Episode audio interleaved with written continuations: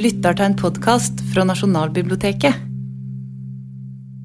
Velkommen inn her i Nasjonalbiblioteket og til denne litt spesielle utgaven av Min kilde, hvor en historiker får lov til å snakke om sin yndlingskilde og vise hvordan noe lite kan kaste lys over noe stort. Det er 8. mai i dag og 75 år siden frigjøringa av Norge i 1945. Og For å markere det så har vi vært så heldige å få besøk av deg, Eivind Thomassen. Velkommen hit. Takk. Eivind er historiker på Universitetet i Oslo, hvor du skriver om Statoils historie. Eh, og tidligere har vært med å skrive Norges Banks historie, og også historien til det litt mer obskure, men like fullt veldig viktige Teknisk beregningsutvalg. Så her er jo tunge institusjoner i norsk økonomisk historie, og ting som har med økonomi å gjøre, kan jo ofte være litt uh, avskrekkende. Det er mange tall, det er, man ofte har mye kunnskap for å kunne henge med osv. Uh, men som vi skal se uh, i dag nå, så handler det også til syvende og sist om mennesker. Og Under krigen handla det om mennesker i veldig pressa situasjoner. Og Det mennesket som vi skal snakke om i dag, det er Gunnar Jan. Og La meg begynne med å lese den aller første oppføringa i hans dagbok fra krigen. Kvelden før krigen kom, mandag den 8. april, var jeg hos Ræstad sammen med borgermester Hartmann, Wormüller og Arne Sunde. Vi talte den gang politikk, og det vi var mest opptatt med, var spørsmålet om forsvarsforbund med våre naboland. Ingen av oss hadde egentlig noen idé om det som skulle skje, til tross for at det dog skulle ha vært mange tegn til det. Jeg bilte hjem ved halv tolv-tiden, og alt var fredelig og stille. Om natten til den 9. april ble vi vekket av flyalarm. Så Eivind, hvem er den mannen som eh, skriver her? Ja, eh, dette er jo Gunnar Jan, som du var inne på. Eh, han var på denne tiden venstremann, direktør i Statistisk sentralbyrå, hadde vært det siden 1920. En fremtredende økonom i Norge i mellomkrigstida. Utdanna, jurist og økonom i tida før første verdenskrig. Og også en rimelig fremtredende person i norsk offentlighet den gangen. Uh, den så litt annerledes ut enn den gjør i, i, i dag. Men en hadde vært finansminister en periode, hadde sittet i mange Eh, fag, økonomfaglige utvalg eh, uttalt seg om forskjellige ting. Og skulle i løpet av denne krigen, og særlig da de første månedene av okkupasjonen, våren, sommeren, tidlig høsten 1940, komme til å stå veldig sentralt i mange store begivenheter som, som, eh, som han har blitt særlig kjent for. Og fortsatt også å spille en rolle inn i, inn i etterkrigstid, etterkrigstiden, bl.a. som leder av Nobelkomiteen, Eh, sentralbanksjef. Eh, man kan si mye om, om Gunnar Jan. Eh, han skrev også innføringsbøker i bueskyting og fluefiske og om norske byggeskikker. Og, så en, en interessant karakter. Ja. En mann av mange talenter. Ja, kanskje. ja. Og Hvorfor har du valgt deg akkurat denne kilden som din liksom, yndlingskilde? Ja, det er jo en det er jo en veldig interessant kilde i kraft av at Gunnar Jan sto så sentralt i så mange prosesser og på så mange arenaer. Også sosialt. Han kjente jo veldig mange sentrale samfunnsaktører i sin samtid. Eh, og Derfor har det også vært en mye brukt, en, veldig kjent eh, kilde, blant historikere i hvert fall, eh, som har vært mye brukt. Eh, og brukt til å belyse veldig ulike ting. Eh, Nobelkomiteens eh, arbeid. Um, selvfølgelig endringer i økonomisk politikk fra mellomkrigstid til etterkrigstid. Eh, okkupasjonshistorie osv. Så, så, videre. så slik sett er det nok mange som kunne sittet her i sitt nå og, og, sagt veldig mye fornuftig om den kilden, og kanskje til og med valgt den som sin favorittkilde. Um, I tillegg så er det jo kjent som en veldig uh, åpen, eller i hvert fall tilsynelatende åpenhjertig beskrivelse. Uh, han er nådeløs i omtalen av, eh, av, sine venner og sine omgivelser. Det er vel knapt noen som går, som går gjennom dagboka uten å, uten å få en, en, drepende karakteristikk på et eller annet tidspunkt. Eh, og, og, ganske selvransakende også, som, som, gjør det interessant og morsomt. Det har vært en sånn fin kilde til spissformuleringer og, og den type ting. Eh, I mitt eget arbeid så har den jo vært en interessant inngang til hva skal jeg si, det jeg har, det har forska på, overganger i tenkning og økonomisk politikk fra mellomkrigstida, som fortsatt er en periode prega av 1800-tallets eh, liberale paradigme, om du vil. En, en, et hvor økonomer og politikere tok utgangspunkt i markedet og markedsmekanismene, både normativt og analytisk og, og teknisk, kan man kanskje si, eh, og over til en etterkrigstid som ser annerledes ut. Et mye mer regulert system som er innført delvis som en følge av krigen og, og, og behovet for å regulere i en unntakstilstand, men også et mye høyere ambisjonsnivå på politikkens vegne blant politikere. Um, og hvor Jan gir et dette er jo store og abstrakte strukturer og prosesser og ting som, er, som kan være vanskelig å få, få, grep om, men hvor Jan tilbyr en, en, en veldig menneskelig uh, inngang til det. da. Beskrive Eh, beskrive Han sto sentralt i hvordan disse prosessene utspilte seg på norsk jord, og, og knytte det også til seg selv, sin egen rolle, og til personer rundt seg. Og En veldig skarp observatør, og reflektere over sin egen rolle, og, eh, og også bevisst på de, de store tingene som foregår ute i verden, og, og greie å se de her tingene i sammenheng på en veldig interessant måte. da. Mm. Når man er historiker, så må man jo periodisere. Det er jo på en måte en viktig del av det vi driver med. Mm. Og, og, det er veldig vanlig å starte eh, i 1945 mm. og tenke på etterkrigstida som en ny start osv. Mens det man kanskje kan gjøre med Gunnar Jan, er å se at det er kontinuitet også. At det er eh, en glidende overgang. Kanskje at krigen i stedet for å bli sånn hull mm. midt, midt, mellom mellomkrigstida og etterkrigstida, så er det jo ting som skjer der da også. Det er ja, en overgang. Ja, Godt poeng. Og, og, Gunnar Jan eh, er jo et eksempel på at uh, det er veldig mange mennesker som lever gjennom den perioden. På en måte De er der uh, da mellomkrigstida slutter, og de er der etterkrigstida begynner. Uh, veldig mange, For mange blir jo krigen en, en sånn påvirker karriereløpet på ulike måter. Mange, mange fremtredende personligheter fra mellomkrigstida forsvinner jo med med krigen. Men Gunnar Jan forblir der og er sånn sett et sånn vindu inn i de overgangene da, som skjer. Det... Vi skal hoppe bare to uker fram i tid, eh, men nå har det skjedd mye. 24. april 1940. Skal vi se hva han skrev da. Onsdag den 24. hadde jeg møte i byrået med Voland og representanter fra jernbanene. Rådet klokka ti så i Finansdepartementet hvor Persen fra Kristiansand og borgermester Harman søkte meg. Klokken to hadde vi møte med pressen, klokken halv fem om ettermiddagen hadde vi møte i Vitenskapsakademiet med Terboven. Jeg skal siden en gang beskrive dette møtet som står levende for meg. Da vi gikk ut, sa Christensen har de noen gang i deres liv hatt sånn lyst til å spytte dem selv i ansiktet, sånn at de sto der og måtte avgi erklæring om lojalitet? For da hadde altså Gunnar Jan eh, måttet avgi en slags ed til Terboven for å sitte i det som het administrasjonsrådet. Hva var egentlig det, og hvorfor sa Gunnar Jan ja til å, til å delta i det? Ja, eh, Administrasjonsrådet ble jo en slags en slags eh, regjering i, innenfor det området som var besatt av tyskere, av Nazi-Tyskland. Eh, etter etter at den lovlige regjeringa hadde forlatt det området. Det er jo en rekke beslutninger et, som må tas i et styringsapparat. Og det var vel neppe færre av de i denne situasjonen. her, og det er klart Når, noen, når, når statsrådsstolen står tom, Eh, så er det et spørsmål om hvem som skal eh, ta de beslutningene, rett og slett. Eh, og her ble administrasjonsrådet løsninga som Høyesterett tok initiativ til å opprette i april 1940.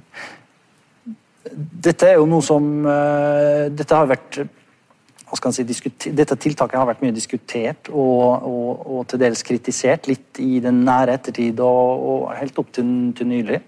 Eh, og ulike sider av de enkelte beslutningene som ble tatt osv. Det er klart at dette, dette, rådet måtte, eh, slik det fremgår av utdraget her, avgi en, en, erklæring om at de skulle opptre lojalt overfor, de tyske, overfor okkupanten.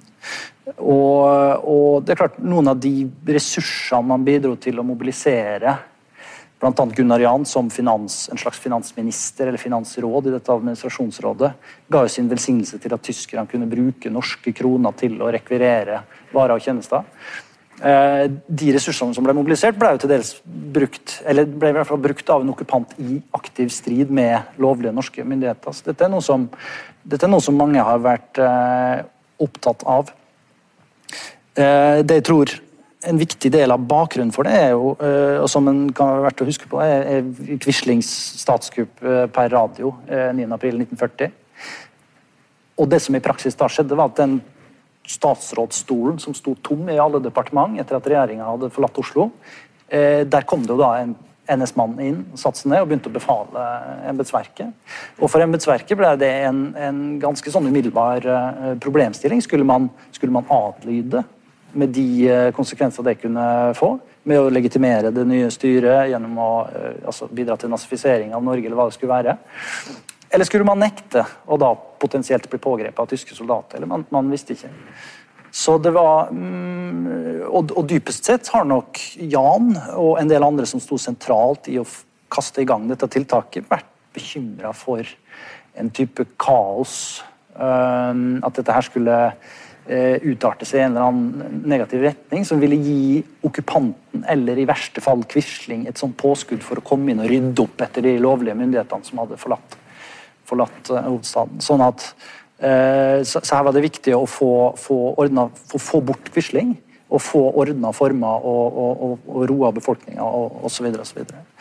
Men som, som, var en beslutning man kan diskutere, og som også, som det fremgår av eh, utdraget, aktørene selv hadde problemer eh, med. Ja, for De tenkte at det var bedre med Terboven, som da hadde blitt rikskommissar akkurat da, den 24. april, det var bedre å samarbeide med han enn å eventuelt gjøre noe annet som kunne legge veien åpen for at Quisling tok makta, og at nazistene måtte, måtte, støtte han på en måte? Ja, tyskere, Det å samarbeide med tyskerne var jo på en måte, De hadde jo beseira norske styrker innenfor det territoriet og var etter folkeretten øverste eh, hadde kontroll, og der er folkeretten klar. Da har de eh, øverste myndighet. sånn at de ønska nok å unngå at det ble brukt til å nazifisere Norge, få inn Quisling og, den type ting, eller, eller, legge til rette for et kaos som kunne Da var det bedre å få i stand et alternativ som hadde en slags kvasilegal forankring, som fikk bort Quisling, og som fikk roa og beholde altså, hva skal si, ordna former da, i, i, Norge, og ikke, ikke skape noen negative ting som kunne legge som, som skylda hvor, hvor skylda kunne legges på den lovlige regjeringa. Um, det tror jeg er men, men, dette er selvfølgelig kompliserte ting og ting som en kan, eh, kan diskutere. Men Vi er vi opptatt av det her med folkeretten. Var det, var det noe som kom fra dem sjøl, eller var det på en måte Terboven og tyskerne som sa til dem at det her kan dere gjøre fordi det er faktisk innafor ifølge eh, krigens regler osv.?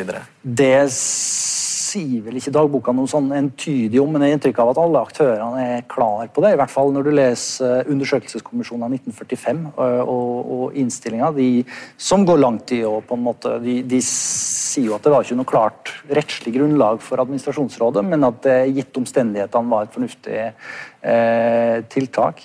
Eh, så er folkeretten et helt sentralt moment der.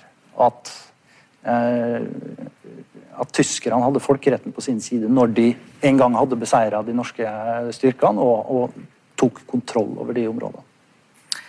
Men da, så da, var det jo, da drev, de, drev man jo med en slags form for samarbeid, da. men samtidig så, så, så var han jo med i det som het Kretsen. Mm. Og deltok etter hvert aktivt i uh, motstandsarbeidet i den liksom, borgerlige delen av motstandsbevegelsen, så å si. Og det var da masse folk som hadde veldig ledende stillinger i det norske statsapparatet, i det norske samfunn, og samtidig drev en slags sånn undergravende virksomhet innenfra? da, eller? Ja, eh, undergravende, da er det jo lett å eh, se for seg noe sånn Max Manus-aktig med bombesprengninger, bombeaksjoner og sånn, eh, som nok dominerer litt eh, det populære kulturelle bildet av motstand. Eh, det var ikke det Gunnar Jan drev med. Han, eh, den rollen han fikk i kretsen, og den rollen han ble tilskrevet i Motstanden er vel en slags sånn moralsk og holdningskamp, men som er viktig. Dette var jo en periode hvor, med veldig mye usikkerhet, særlig altså de første månedene utover 1940, videre også for så vidt. Men hvor mange ulike grupperinger og, og mange som, mange som eh, hadde mye opp oppmagasinert agg mot de lovlige myndighetene, særlig regjeringa, Nygaardsvold osv., og, og manglende forberedelser og, og, og, alt det her. eh, her. Så det var, det var, mange strenger å spille Det var ikke noe sånn enhetlig norsk eh, Det var mange strenger å spille på potensielt da, for den som, som, som hadde evne til det. Eh, så det at noen sånne sentrale aktører inntok en en, eh, en, klar holdning, en helt sånn urokkelig lojalitet overfor de, den lovlige regjeringa. Eh, og, og, og for så vidt også tro på alliert seier, det, det, har nok vært viktig for den at man etter hvert greide å samle en ganske brei front. Den var ikke bare borgerlig, men hadde også medlemmer fra arbeiderbevegelsen, Einar Gerhardsen blant annet. Og det kan jo også sies i, i sammenheng med administrasjonsrådet at administrasjonsrådet også var hele tida veldig påpasselig med å ikke gjøre noe grunnlovsbrudd, eller i hvert fall sånn som de selv oppfatta det, komme på kant med det som helt uomtvistelig var den lovlige regjeringas eksklusive domene, sånn som utenrikspolitikk f.eks. Det vil ikke administrasjonsrådet ha noe med å gjøre. Og der er jo eh, der er da de såkalte riksrådsforhandlingene som begynte mens administrasjonsrådet satt jo noe ganske annet, som var et tysk initiativ for å få for å få eh, en slags ny forfatning i Norge, da, eh, som avsatte kongen og gikk ganske langt. Og hvor administrasjonsrådet trakk seg helt ut av det, men hvor Stortingets representantskap da ble sittende og forhandle og, og gikk, gikk, meget langt i å, i å, akseptere de tyske krav. Sånn at, sånn at administrasjonsrådet på et vis, at i hvert fall folk som Gunnar Jan, så veldig tydelig for seg at den krigen er kommet til å ta slutt, og det kom til å bli alliert seier, og da det går kanskje an å se hele dagboka hans i det lyset også. Da, at han ser for seg at det er det som kommer til å skje, eh, og at det er det arbeidet hans måtte, leder opp til, på et vis? Ja, det kan en jo si. Nå, nå, nå, der kommer jo litt sånn kildekritiske ting inn. Hvor, hvor urokkelig var han? Hvor sterkt trodde han egentlig på det? ikke sant? Eh, eh, vanskelig å vite. Men Jan har nok tatt det. Alt tyder på det at han hadde en veldig en, en sterk lojalitetsholdning overfor det sittende lovlige eh, regimet, og at det har, det har spilt en rolle.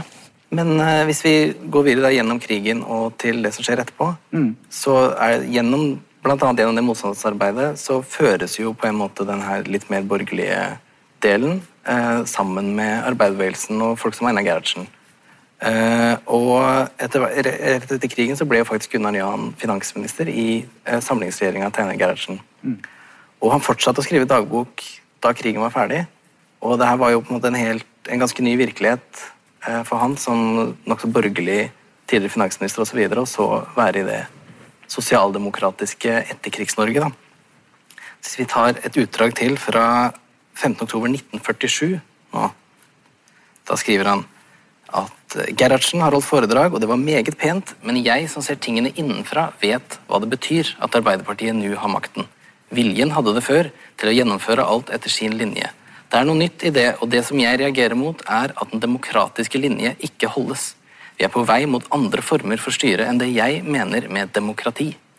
Mulig ser jeg ikke lenger klart i disse tingene fordi jeg liksom har følingen av at vi som har en annen oppfatning, et annet syn, ikke regnes med i landet akkurat den samme følelsen som jeg hadde før krigen. Men la meg være litt på vakt overfor meg selv.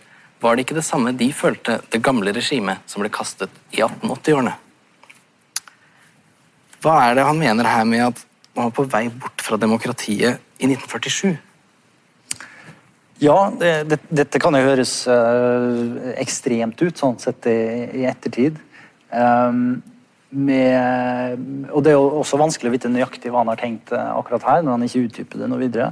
Eh, hvis en skal dømme ut ifra det han er opptatt av andre steder i dagboka, så tror jeg det er tre, eh, tre momenter som, som, kan knyttes til, eh, brukes til å belyse eller forklare det her. og det, eh, det ene er jo den kulturen Jan eh, observerer i Arbeiderpartiet, hvor hvor beslutninger blir tatt i, ofte bak lukka dører i en liten krets. Uh, og et, det Jan oppfattes som et uklart samrøre mellom konstitusjonelle organer og fagbevegelse og, og Arbeiderbladet og hva det skulle være. Um, og det er noe som er uh, det er noe som var veldig uvant for Jan, som kom fra den venstre Både uvant for Jan som altså personlig tilbøyelighet, tror jeg. Eh, som en veldig sånn frittalende og, og ærlig eh, type uh, utad. Men også den partitradisjonen han kom fra, et Venstre som hadde mye større aksept eller kanskje til og med forventning om at de som satt der, representerte folket hver på sin måte og skulle, skulle på en måte meningen, meningene skulle brytes åpent og utad. Kanskje ikke så mye utad, men i hvert fall åpent. Uh, og uh, det, det, er nok det ene. Uh, og det er nok noe som er lett å glemme i ettertid, hvor ny på en måte den type partikultur var i det, i det norske systemet fra partisystemet som hadde utvikla seg etter parlamentarismen osv.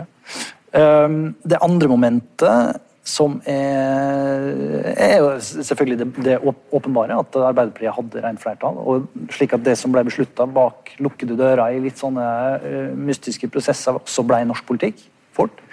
Uh, og det ble forventa av stortingsgruppa sånne ting, lojalitet mot de beslutningene. Det var ingen, Selv om Jan observerte at det var meningsforskjell, det er særlig den økonomiske politikken han er opptatt av her. Eh, med bl.a. Erik Brofoss som finansminister, og som var veldig frustrert i perioder utover på slutten av 40-tallet. Eh, men som likevel blir overkjørt, og så må, må holde maska utad. Eh, det er noe som Jan oppfatter som, som på en måte ademokratisk, eller undergrave de, de, de, demokratiske idealene. Det siste er jo, og kanskje det mest interessante, den økonomiske politikken som her var det veldig høye ambisjonsnivå, men også videreføring av et gjennomregulert økonomisk system på prinsipiell basis, fordi det skulle muliggjøre styring i veldig høy grad. Og da, Der mente Jan, i likhet med mange andre på borgerlig side like etter krigen, at, eh, at høye reguleringsambisjoner og omfattende inngripen før eller siden ville legge begrensninger på eh, arbeidsfrihet, eh, næringsfrihet den type ting, Og kanskje i siste instans ytringsfrihet eller åndsfrihet, som de, som de sa den gangen. Så det, det er nok de hovedbekymringene Jan har, andre steder i dagboka i hvert fall, eh, og som nok kommer til overflata også her. Altså, han mente på en måte at sosialdemokratiet kunne, kunne gå utover friheten, da, på et vis? Ja, Jan så det nok sånn. Eh, det var kanskje lett for han å si fra hans posisjon relativt høyt oppe i det norske samfunnet? Jan mener at han har en, eh, en, eh, Ja, du tenker på hans sosiale bakgrunn? Ja, på en måte. ja det, det kan du nok eh, det kan du nok Var det her noe han Fordi Han hadde jo kontakt med Gerhardsen og snakka med ham om de tinga her? Jan og Gerhardsen fikk et veldig nært og godt forhold. Gerhardsen jo, var også medlem av kretsen. Og Det var nok der de møtte hverandre første gang. og Så satt de i fangenskap og Grini sammen på slutten av krigen. Og Jan refererer ofte til de samtalene med Gerhardsen. Og Gerhardsen har nok hatt tillit til Jan og gitt Jan en forholdsvis uh, noe som kan se ut som en unik til, tilgang til seg selv for en sånn type enn med hans bakgrunn og hans partitilknytning. åpne partitilknytning. Tror Tror du de lærte noe av hverandre, eller hvem tror du lærte mest av, av Det er et interessant spørsmål. Um, det er et interessant og stort spørsmål. Jan gir mange, flere konkrete eksempler på, at, på ting han har lært, momenter som Gerhardsen har fremholdt, som Jan tydeligvis ikke har tenkt på før, og som blir viktige for Jan. Sånn som hva da? Nei, det, det, tydeligste eksempelet det er Jan kaller den sosiale samvittigheten som kommer inn i, i, den økonomiske politikken, og som han observerer som et internasjonalt fenomen, men hvor, som Gerhardsen målbærer i det norske systemet, og som, som er den herre eh, Jan beskriver det vel et sted som at vi kan ikke lenger tåle å se andre ha det vondt. En, I mellomkrigstida hadde man ført en økonomisk politikk primært motivert ut fra ting som stabil, altså budsjettbalanse eller en stabil kronekurs. Eh, og hvor arbeidsledigheten ble litt sånn tilpassa etter, etter, det. Mens nå er det det å, det, å, det å, ha store mengder folk utenfor arbeidslivet er ikke lenger noe man kan akseptere, og som vil slå ut i stemmetall og sånne ting etter hvert. Eh, og som Jan også tilpasser seg i sitt syn på den økonomiske politikken. Måla med den økonomiske politikken, men ikke virkemidlene. Eh, men så i det, i det utdraget her, så, så stopper, han selv, stopper, han seg selv midt i. Det skyldes kanskje diskusjonen med Gerhardsen. Vet ikke hvordan han sier det er mulig. Ser ikke jeg lenger klart?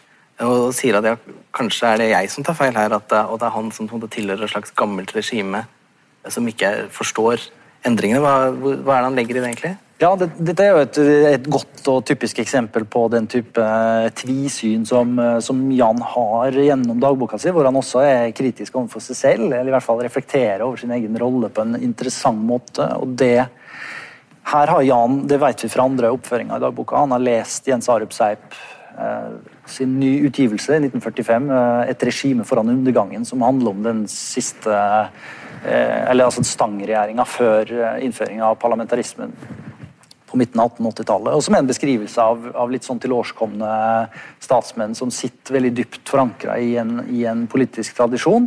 og som ikke ser tidens strømninger og historiens lov presser seg frem, som noen kanskje ville sagt. Så, så Jan kjenner seg nok litt igjen i det å stå på utsida av en sånn stor massebevegelse med mange som mener det samme, og sitte og være den, den eh, kritiske røsten og, og, og, risikere å havne, på feil side av historien. Han er rett og slett litt redd for å havne på, på feil side av historien? Ja, han, eller, han, han, ser i hvert fall at det er det han fort kommer til å gjøre. Ja. Men så ble han jo først finansminister og så sentralbanksjef i en veldig aktiv sentralbank under det her eh, sosialdemokratiske regimet, så han ble jo på mange måter en del av det også. Samtidig så ble han aldri noen sosialist eh, på noen som helst måte, og han sto jo på mange måter til høyre i, innad i venstre, til og med. Eh, men likevel så blir han liksom denne overgangsskikkelsen da, som får en slags kontinuitet mellom det som man kanskje kaller venstrestaten i mellomkrigstida og arbeiderpartistaten i etterkrigstida. Mm. Det er jo en merkelig historie. Hvordan, eh, hvordan ja. havna han der, tror du? Nei, det, nei det, det, er interessant. Det er mange spørsmål på på ulike nivå. Uh, hvorfor, han, hvorfor, han, får den tilliten, er jo interessant uh, i seg selv. og Der kommer jo det personlige forholdet til Gerhardsen litt inn, uh, og, og, sånne ting. Samtidig som han nok Jeg skal ikke undervurdere verdien av det å ha litt sånn inngående kjennskap til finans, finans og, og, pengepolitikk og sånne ting, som er et, et veldig spesialisert felt som gjorde at han havna der. Og, eh, og så er det den der rare dobbeltrollen han får. Eh, han er jo i Venstre og bidrar jo til å sable ned en mye mer sånn Arbeiderpartiaktig linje inne i sitt eget parti, som, går, som er mer reguleringsvennlig. Og, Lenge før? På, I, i mellomkrigstida? Nei. Ja, han er med. Altså, han, han, han står på høyresida i Venstre også på 30-tallet i spørsmålet om jordbrukspolitikk og sånne ting.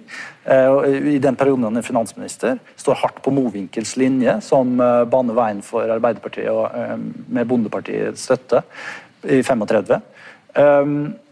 Men også etter krigstida. Altså, det er vel et landsmøte, jeg tror det er 1946 allerede, hvor, eh, hvor det er noen programformuleringer sånn som diskuteres, og hvor Jan sammen med formannen Vorm Müller eh, sabler ned altså det som er Tagårds linje og hans, eh, hans meningsfeller. Så det, dette er en aktiv kamp i partiet gjennom denne perioden, og hvor Jan er, er, er på høyresida klart. Eller i hvert fall en mer sånn markedsbasert syn på økonomi og økonomisk politikk, i prinsippet. Men så kommer han jo inn i regjering, eller ikke inn i regjering, men han, eh, du sa han var en aktiv sentralbanksjef. Men det, det kan man jo diskutere. Det, det, er en periode hvor sentralbanken hvor regjeringa tar mye grep om pengepolitikken, og hvor kanskje sentralbanken forventes å spille en mindre rolle enn den i hvert fall gjorde før, før krigen.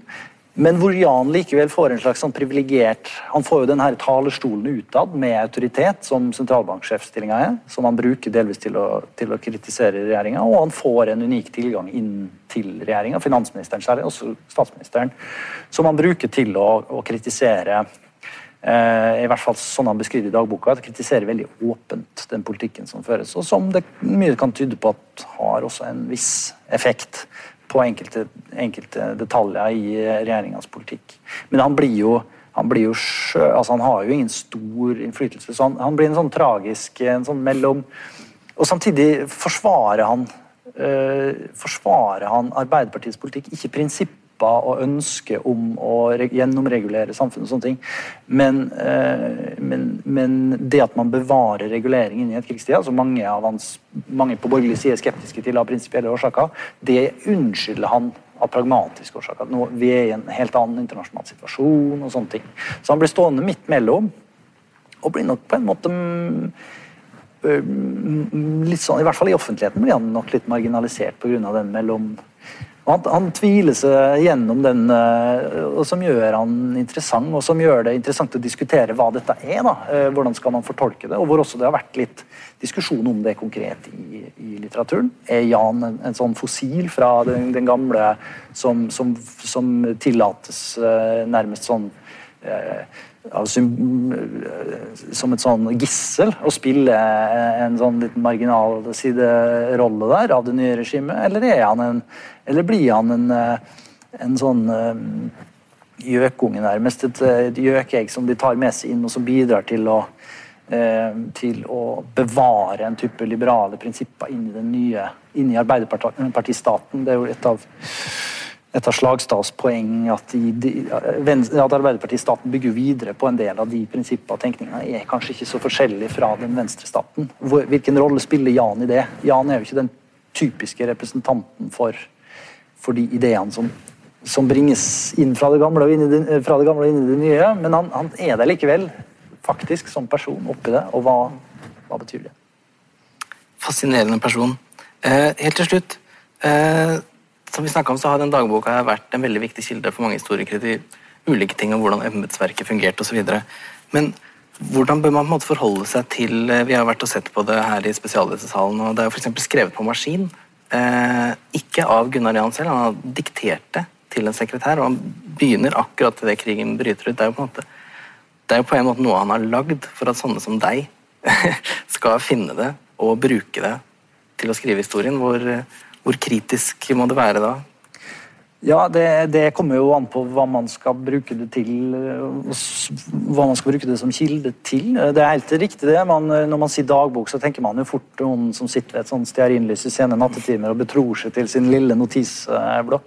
Eh, men her har han jo eh, diktert det ved jevne og ujevne mellomrom til en yngre kvinnelig sekretær.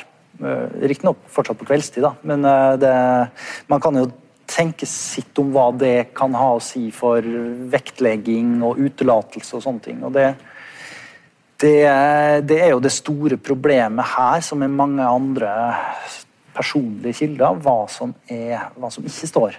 Det er, det er jo en tilsynelatende sånn åpenhjertig, og vi tas med inn i de innerste vurderinger og selvkritikk og, og tvil og, og sånn, som gir et sånn inntrykk av at ja, her får vi vite mer enn vi noensinne vil få andre steder. Men som, som, hvor ting åpenbart også her må utelates, og, og, kan utelates bevisst. Så det er, det er, et Og der blir jo Jan diskutert konkret eh, av andre. Um, Espen Søby skriver om Statistisk sentralbyrås virksomhet under krigen, hva man leverte av tall osv. under Jans lederskap til okkupasjonsmakten. Eh, om den jødiske befolkningen, bl.a. Som, som ikke er noe tema i Jans dagbok. Eh, og det har vært andre diskusjoner som, som nærmer seg samme, samme, ting. Så det er, så det er der, der, ligger det åpenbare eh, problemer. Um, når det gjelder min egen bruk av dagboka, så, så, har jeg ikke brukt den som kilde til så mye mer enn Jans syn på det er litt det vi snakka om med endringer i økonomisk politikk osv., og, og særlig da Norges Banks eh, rolle oppi det. Som eh, hvor, eh, hvor, eh, dagboka i hvert fall sammenholdt med uttalelser på offisielt nivå, årstaler og sånne ting, som sentralbanksjef, er vel er vel det nærmeste, det beste en, den beste kilden en kan få til nettopp eh, det. da. Men mens må naturligvis sammenholdes med andre ting. Og, gir en interessant inngang som jeg nevnte, også til den type konflikter som utspant seg, særlig mellom Jan personlig og ulike enkeltpersoner i Arbeiderpartiets første etterkrigsregjeringer. Enkeltpersoner som sto veldig hardt på, på noen prinsipp og sånn, og som havna i klinsj med Jan, og hvor Jan beskriver, beskriver de klinsjen, men hvor det også fins Eh, andre kilder som bekrefter det, det bildet. Da. Der gir jo Jan, Jans fremstilling litt ekstra krydder og, og, og saftige, saftige, kommentarer som skal ha falt. Som man kan uh, la stå for hans regning. yes. Eivind Thomassen, tusen, tusen takk for at du kom hit. Og uh, jeg håper at vi snart kan invitere dere inn hit også, men i mellomtida så fortsetter vi med digital formidling, så følg med.